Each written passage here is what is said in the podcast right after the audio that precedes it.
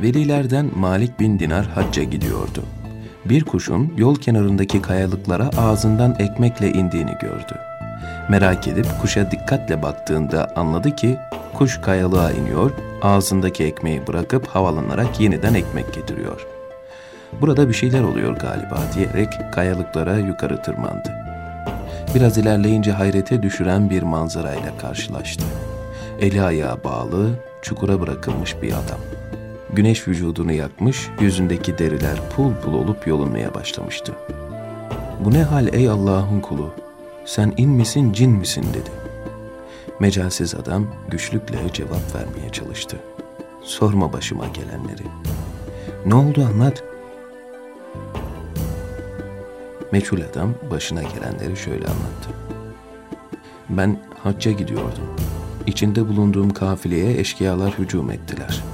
Bütün arkadaşlarımı soyup soğana çevirdiler. Fakat ben güçlü kuvvetli biriydim.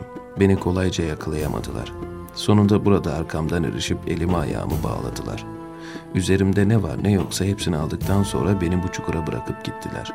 Tam bir haftadır burada güneş karşısında eli ayağı bağlı kaldım. Her geçen gün biraz daha zayıflıyor, açlıktan, susuzluktan ölüme doğru adım adım yaklaşıyordum. Sonunda dedim ki, ey Rabbim, biliyorsun ki senin rızan için yola çıktım. Senin emrini yerine getirmek için bu çöle açıldım. İşte görüyorsun ki zalim eşkıya beni bağlayıp bu çukura bıraktı. Kimsenin halimden haberi yok. Ama senin ilminden gizlenmek mümkün değil. Sana iltica ediyorum. Beni şu açlık ve susuzluk felaketinden kurtar.'' Ben bu duamı bitirir bitirmez bir kuşun ağzında ekmek parçasıyla bana doğru indiğini gördüm. Kuş ekmeğiyle göğsümün üzerine kondu. Gagasıyla koparıp koparıp bana verdi. Karnımı doyurdu. Sonra gitti hangi çadırdan kaldırdıysa kaldırmış bir kap dolusu su getirip yine göğsümün üzerine konarak kabı ağzıma doğru eğdirip bana su verdi.